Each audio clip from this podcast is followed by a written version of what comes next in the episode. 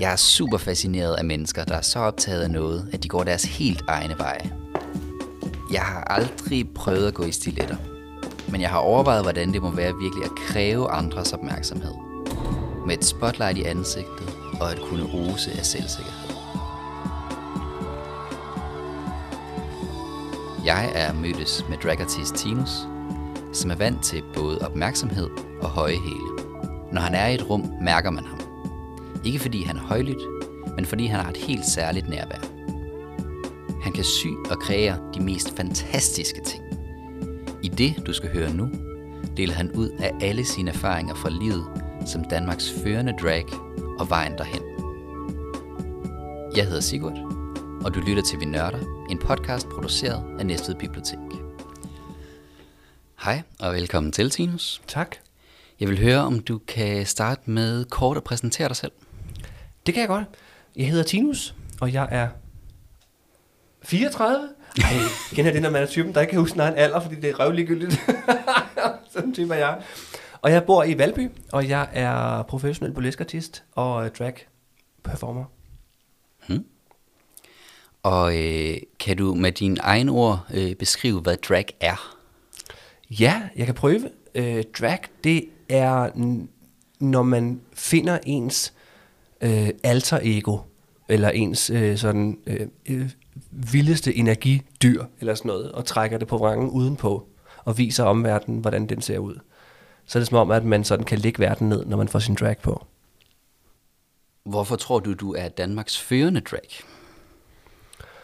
Jeg tror, det sætter en på landkortet som en af de bedste til sit erhverv, hvis man er dedikeret, og hvis man er, er professionel, og man bliver ved med at jagte og blive bedre og dygtig, og hele tiden holder sig ydmyg til sin kunst, og hele tiden gerne vil lære og dygtiggøre sig, øhm, og at man har ild og krudt i røven, og man døgnets 24 timer ikke kan tænke på andet end sit arbejde det kan jo både være godt og dårligt for rigtig mange ting. For eksempel ens privatliv, det kan godt halde lidt. Ikke? Øhm, men til gengæld så, øhm, så gør det nok en til en af de bedste, hvis man ikke kan andet end det, og man synes, at det er det, er det der får dig til at leve. Der er nogen, der lever af sin kunst, og så er der nogen, der lever for den. Ikke? Jeg er den sidste. Drag er både et håndværk og en kunstart. I hvor høj grad er det det ene og det andet for dig? For mig er det begge dele. Mm. Øh, og det er det, fordi at jeg er en af de få dragartister, som laver alting selv. Alt, hvad jeg viser på en scene, har jeg selv lavet. Og det er alt fra at sidde og sætte et hår i ryggerne af gangen fra bunden af, eller det er at sidde og sy kostymerne fra bunden af, eller at selv designe showet og koreografere det, og sørge for at, du ved, lægge make og øh, mixe musikken og øh, selv synger og sådan noget. Du ved, der, der er mange ting, som jeg gør, som mange af de andre drags ikke gør. Øhm, så for mig, der er det øh, der, der går de to ting, du siger, der, rigtig godt hånd i hånd sammen.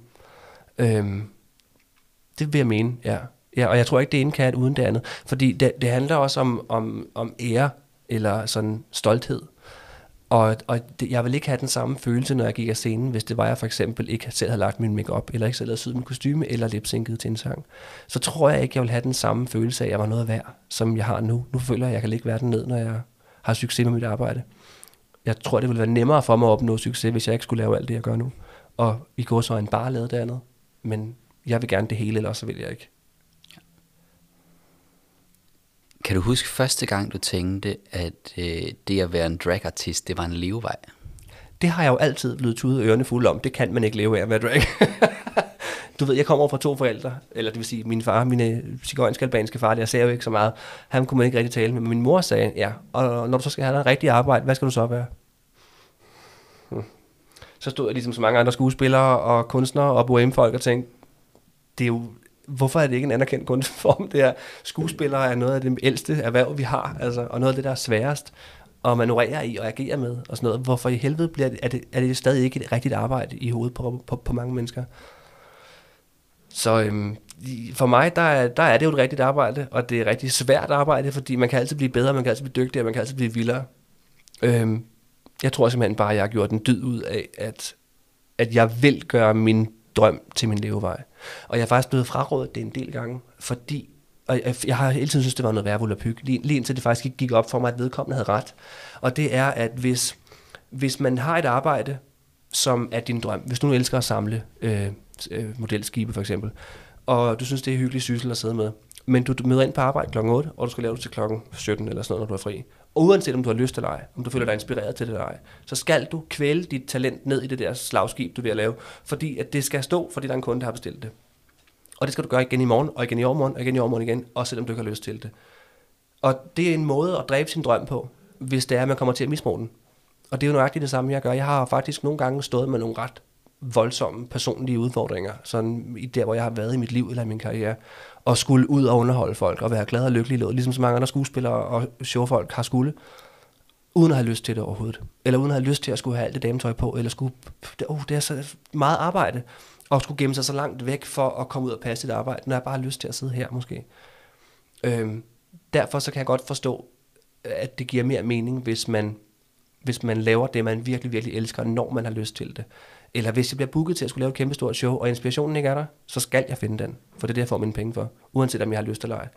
Og nu skal det ikke lyde, som om jeg er et offer i det her, vel, for jeg har sådan set selv sat mig i situationen, og jeg har selv valgt den her karrierevej. Så det, jeg sidder ikke og har ondt af mig selv, tværtimod. Men jeg prøver også at sige nej til rigtig mange ting, som jeg ikke har lyst til, eller som ikke giver noget for mig længere, fordi ellers så kommer jeg simpelthen til at, at knække nakken på det. Så det, det er det, der følger med at blive anerkendt, det er, at man kan være lidt mere selektiv og sørge for, at ens drøm ikke dør. Og hvornår begyndte du sådan at have de tanker? Hvornår gik det op for dig, at du også kunne sige nej? Det har sådan set været gået op for mig hele tiden, men jeg har ikke følt, at jeg kunne tillade mig at sige nej, fordi jeg har hele tiden har været på vej et sted hen, eller på vej til at blive etableret, eller på vej til at blive øh, slået igennem med et eller andet. Ikke? Øh, så det er først inden for de seneste 5-6 år, eller sådan, hvor jeg har kunne se, at det er sådan, nu begynder der at kaste frugt. Altså nu begynder mit navn at blive almindelig husholdnavn, og nu, nu øh, ringer folk fra hele Danmark og øh, Skandinavien for at få mig ud og optræde. Så nu kan jeg godt tillade mig at sige, at jeg gider stå nede i Nørres nede forsamlingshus til 1.500 kroner en kasse rødvin længere, fordi nu er der folk, der vil betale rigtige penge for det, jeg laver. Ikke? Tinus vokser op uden forbilleder. Uden andre danske dragartister at se op til og med forældre, som kort sagt ikke forstår længslen efter fjer og sang. Hvem og hvad inspireres man så af? Syg i hovedet? Det er dig, der er syg i hovedet! Hvad er du for et menneske? Hvem, hvem tror du, du er? Tinus finder inspiration i noget så folkeligt som Matador, Dirk Passer og Edith Piaf. Edith Piaf var en fransk varieté-sangerinde, og skuespiller, som blev opdaget som fattig gadesangerinde af Louis Leplé, en ejer af en lille cabaret. Han giver hende kaldenavnet La Mom Piaf, undskyld mit manglende franske, gråsburveungen. Og med hans hjælp indspiller hun sin første plade, som bliver en enorm succes. Måske husker du hende øh, fra den her. Ah,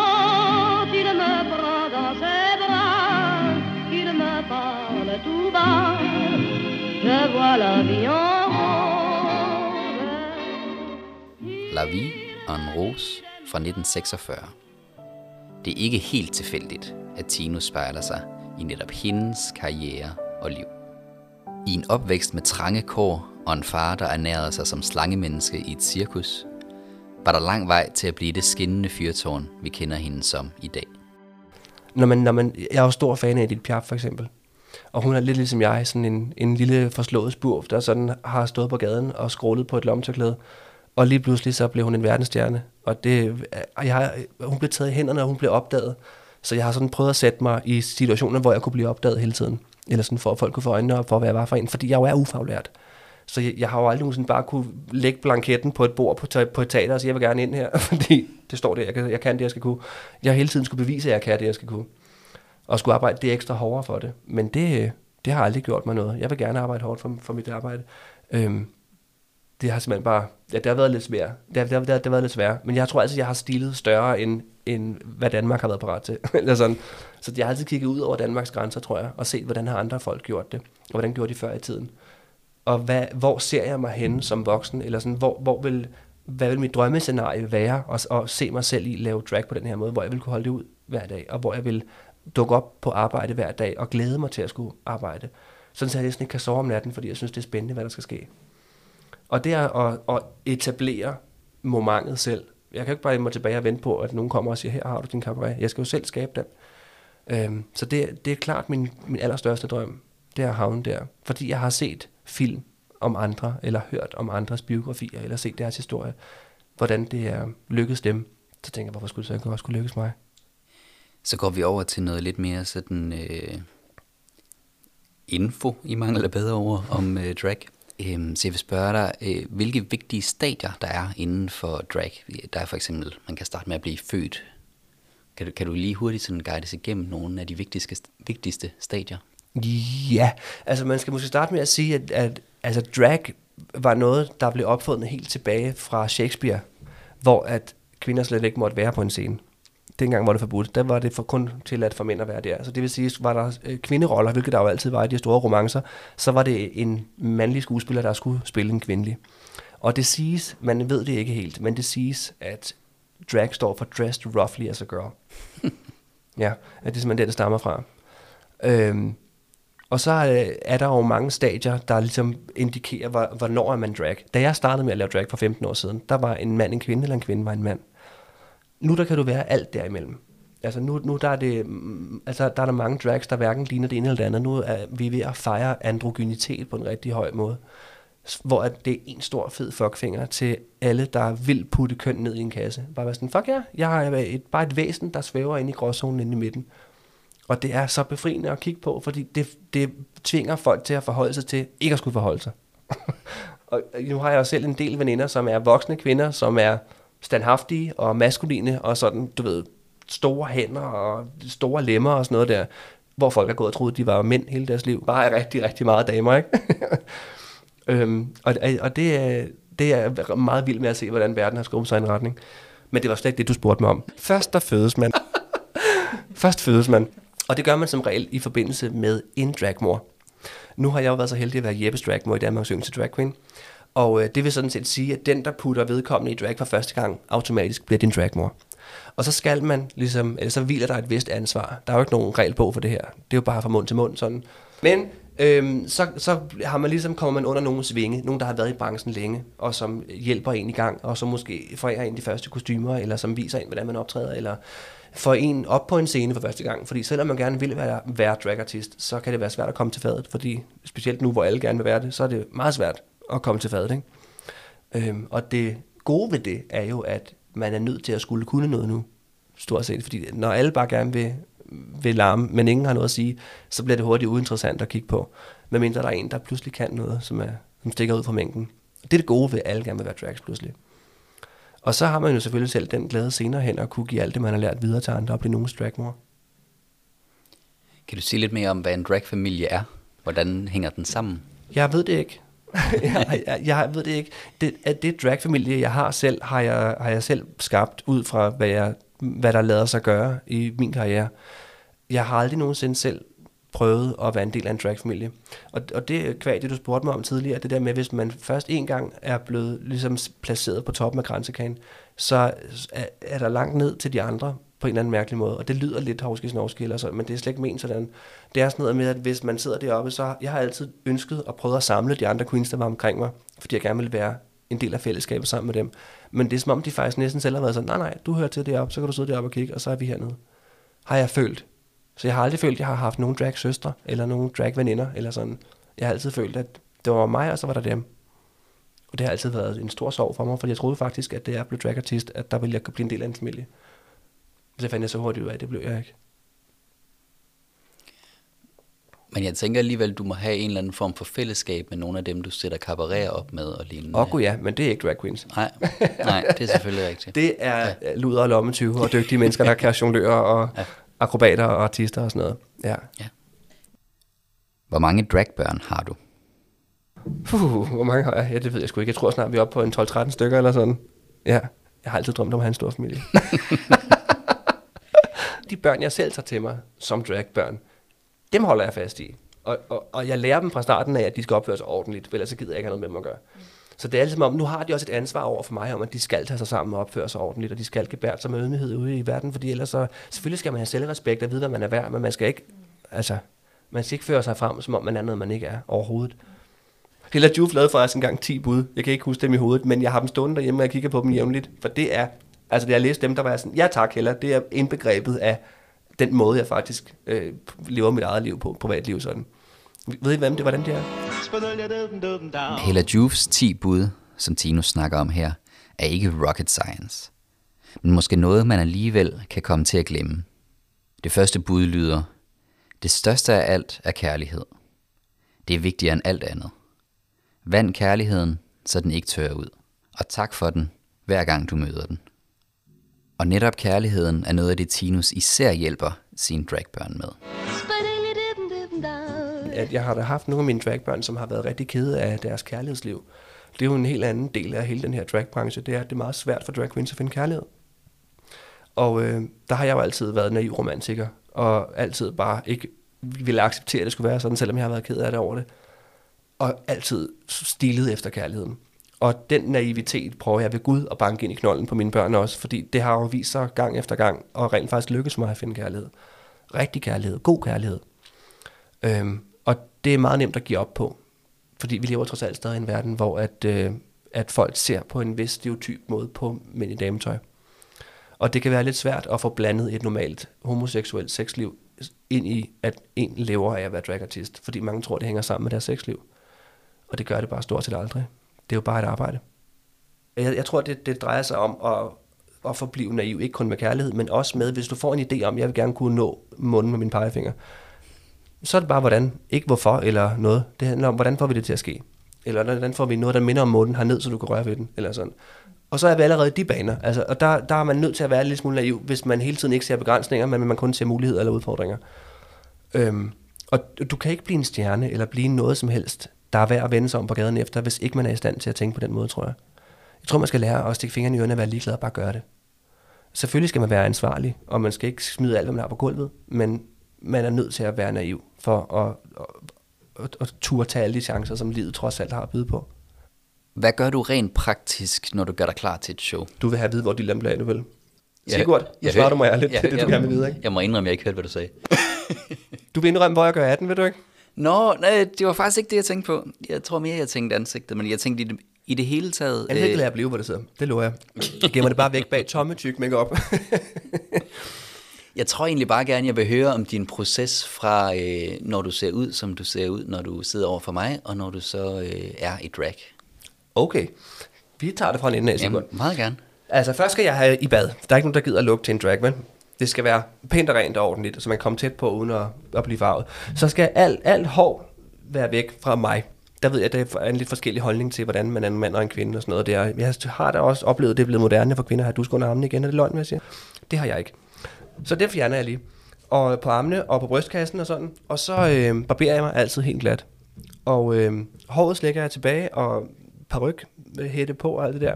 Og øh, så bruger jeg nogle kontaktlinser med lidt farve i, og så begynder jeg på hele den store makeup. Og så er det altid med negle og med øh, øh, stacked vipper og med øh, velstejlet hår og tunge, dyre, lækre kostymer. Øh, selv turen derhen skal være standsmæssig, så min, øh, min dejlige chauffør har også fået uniform, og, og jeg har et, et outfit, som jeg rejser i, og sådan, så det ser ordentligt ud. Når man kommer, så, så er vi også brand loyal, så jeg kommer ikke i en flyverdragt, fordi det er sådan et jeg kommer stadig i strussefjer og fire tyllerbomber.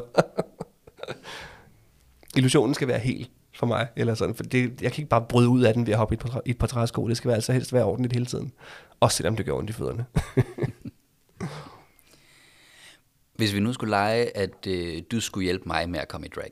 uh, Sigurd. Hvad er så de tre vigtigste steps? mit første vigtige step, det er at høre, hvad, hvad, hvad dit alter ego er. Fordi det er slet ikke sikkert, at dit alter ego har noget med kvinder at gøre. Det kan være, at du som mand har behov for at finde en side af din maskulinitet, der er endnu mere mand end Sigurd er. Og så kan det være, at det er ham, du har behov for at trække udenpå en gang imellem for at have hendes styrke. Nu ligger det bare sådan, at kvindekønnet er 10.000 gange sejere end mandekønnet er. Så det er som regel mænd, der henter styrke i kvindekønnet, og er meget sjældent omvendt. Så jeg kan godt forestille mig, at det måske var en, en kvindetype, du vil have, have behov for. Så har jeg brug for at vide som nummer to, om hvad for en type du så er. Fordi der er nogen, som jeg selv, der ikke er så udadreagerende, som mere er, jeg er lidt mere den melankolske type, som godt kan lide at trække folk ind i nogle dybe følelser og give dem nogle store farve, sanse oplevelser og sådan noget. Og så er der nogen, der larmer helt vildt og fiser op og ned ad væggen, og yes girl, brr, brr, brr, og bliver sådan helt vilde. Og der er jo ikke noget, der er rigtigt eller forkert, men det er to vidt forskellige typer.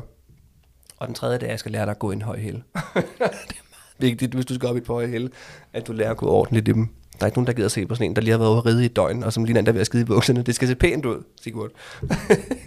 Hvordan lærer man det? Man får trænet sin styrke på forfodene, man får trænet sin balance, og sin skills to point, og sin, øh, sin måde at dele kroppen op i klodser på og være mere jovial og afslappet, fordi der er mange mænd, der ligner et smækkøleskab i høje held, det vil jeg sige. og der er det lidt lækkert, hvis man lige får blødet lidt op og, i de forskellige kasser, og, og lade hofterne slappe lidt af, og huske at strække benene, og du ved, øh, holde sig rank og strunk, uden at ligne en undskyldning for sig selv. Det kan man nemt komme til, når man står på sådan et par stylter. Hmm. Spændende. der tabte jeg sikkert. Nej, det gjorde det ikke. Nå, det er godt. Hvis du skulle anbefale tre produkter eller must-haves eller lignende, når man sådan går i gang med gerne og vil føle sig som drag, hvad kunne det så være? Hvis vi går ud fra, at man skal være en, en kvinde-drag, så er det første og det vigtigste nok et par stiletter. Gerne alt for høje. Og en limstift til at dække sin bryn med. Og øh, ordentlig kvalitetsmakeup. Ikke så meget makeup, men god kvalitetsmakeup. Det vil jeg sige. Hvad er god kvalitets makeup? Øh, hvis man ligesom jeg har sådan lidt hårde kanter og sådan lidt meget struktur som mand, og gerne vil se lidt blødere ud, så er det ikke nok bare at gå i Matas og, og købe øh, loyale produkter. Der er man simpelthen nødt til at, at gå i en teaterbutik eller købe MAC-produkter, eller meget pigmenterede, tykke øh, produkter, som virkelig kan pakke manden langt væk. så man kan ligesom lægge en ny maske ovenpå og blødgøre og lege med lysindfald og sådan noget. Ikke? Jeg har læst mig frem til, at du har lavet verdens største fjerbruger ud af Ja, en det- slange til en opvaskemaskine. Det er rigtigt.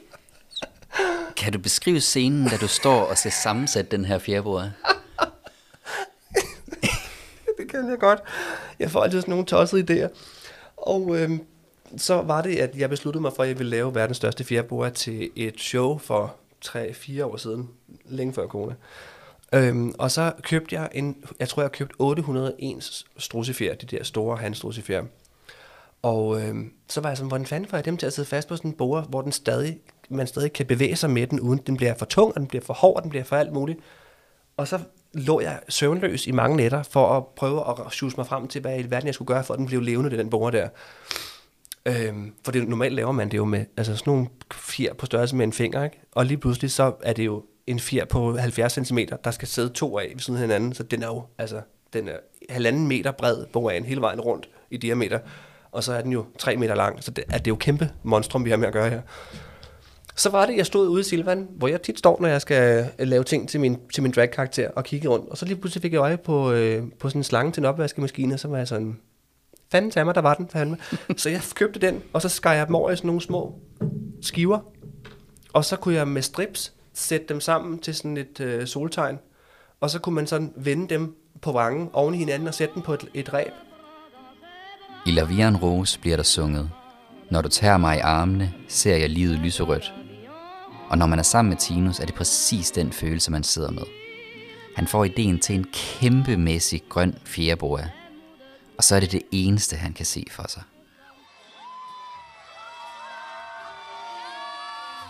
Man kan se showet på YouTube og Instagram. Et menneskehav på Rådhuspladsen til Pride i 2018. Og Tinus på scenen med højt blondt hår, med halssmykke og BH, beklædt med røde, grønne og guldfarvede Swarovski-krystaller. Der er lange, grønne strussefjer og Swarovski-krystaller på benene, som bevæger sig lige så forførende som Tinus og fjerboen. Det er ekstraordinært, og med kreationen vinder Tinus en plads i Guinness rekordbog. Det er tydeligt, at du sætter en stolthed sådan i dit håndværk og i arbejdet med alle de her forskellige grene. Mm. Øhm, vil du egentlig kalde dig selv en nørd? Absolut. Om nogen. Ja, ja, ja, ja.